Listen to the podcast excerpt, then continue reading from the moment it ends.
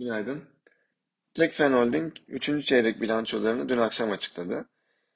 3. çeyrekte 463 milyon TL net kar elde eden şirket, geçtiğimiz yılki 15 milyon TL'lik net zarar rakamının oldukça üzerine gelmiş oldu. Buradaki net kardaki artışın ana sebebi geçtiğimiz yıl inşaat tarafında tek seferlik bir giderin olması, ikincisi ise gübre tarafının oldukça kuvvetli bir performans sergilemiş olması. Gübre tarafında biliyorsunuz son özellikle sene başından beri dolar bazında e, ürün fiyatlarında çok ciddi artışlar kaydedildi.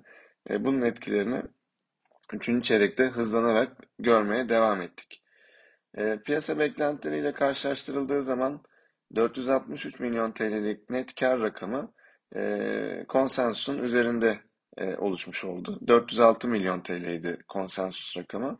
Buradaki konsensustaki sapmanın e, daha çok operasyonel performansın daha iyi gerçekleşmesinden kaynaklandığını görüyoruz.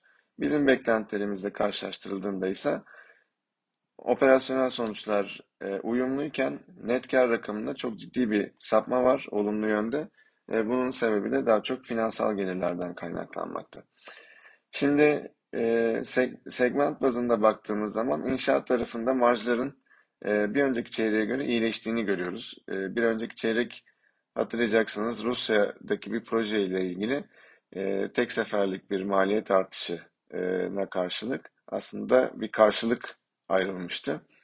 E, bunun toparladığını görüyoruz ama hala aslında marjların e, inşaat tarafında zayıf gittiğini söylemek mümkün. 5.7 fabrik marjı e, şirketin geçmiş yıllar ortalamalarının altında. E, normalde %8 ile 10 e, seviyelerinde olması gerekiyor buranın.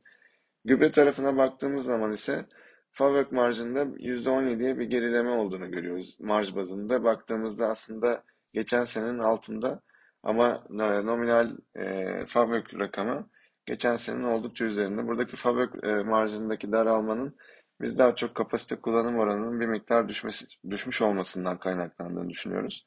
Bunun sebebi de tabii ki ürün fiyatlarındaki artış sonrası e, çiftçinin e, alımlarını bir bir süre için ertelemesinden kaynaklandığını söyleyebiliriz. E, maaş tarafında düşüş var ama dediğim gibi burada nominal rakam aslında geçtiğimiz yılın oldukça üzerinde gerçekleşti. E, Tekfen Holding e, 3. çeyrek sonuçlarından sonra kendi tahminlerini de e, revize etti. Burada gübre tarafındaki güçlü seyri aslında yansıttı. Zaten şirketin 9 aylık gerçekleşmesi daha önceki 12 aylık e, beklentisine e, neredeyse ulaşmıştı. E, o yüzden bu e, revizyon da bekleniyordu. E, ama tabii e, yukarı yönlü bir revizyon gelmiş olması hisse için e, olumlu bir sinyal olarak algılanabilir. Burada çarpan bazında baktığımız zaman Tekfen Holding'in e, e, ucuz olduğunu e, ya da e, makul seviyelerde olduğunu söyleyebiliriz.